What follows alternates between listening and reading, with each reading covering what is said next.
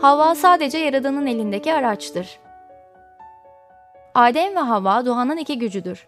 Ki günahı yerine getirsin diye Yaradan tarafından kandırılmışlardır. Başlangıç kitabında Havva, aldatan, günaha çağıran, kanunları ihlal eden ve kurnaz biri olarak tarif edilmiştir.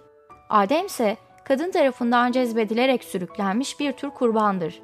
Bu açıklamadan dünyamızdaki erkek ve kadın hakkında bir şey öğrenebilir miyiz? Evet denecek kadar çekici olsa da Adem ve Havva dünyamızın erkek ve kadınını tarif etmez. Adem ve Havva doğanın iki gücüne işaret eder ki bunlar ihsan etmek erkek ve almak kadın olan manevi güçlerdir. Bu da aslında yaradan ve yaratılandır. Manevi yazılar ikisi arasındaki bağdan bahseder. Yaratılan, yaradandan zevk elde eder. Bu zevkle dolar ve sonra bir egoist haline gelir. Günah ruhların bu dünyaya düşüşüdür ve benzeri durumudur. Başka bir deyişle, Adem ve Havva'nın hikayesi erkek ve kadın hakkında değil, en yüksek manevi köklerimiz hakkındadır. Bizler Adem ve Havva'dan inenleriz.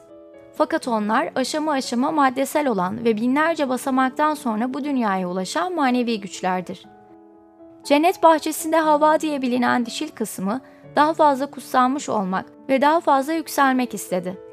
Dolayısıyla eril kısmı ile çiftleşmeyi ve Yaradan'ın seviyesine yükselmeyi diledi. Böyle yazılmıştır ve bu güçlerden anlaşılan budur.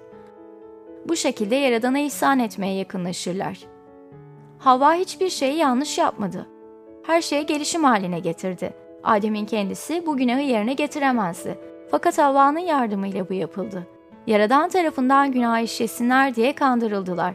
Çünkü tüm olaylar zincirinin bu maddi dünyaya inmesi gerekiyordu. Oradan da bir kez daha en yüksek manevi seviyeye ulaşmamız gerekiyor.''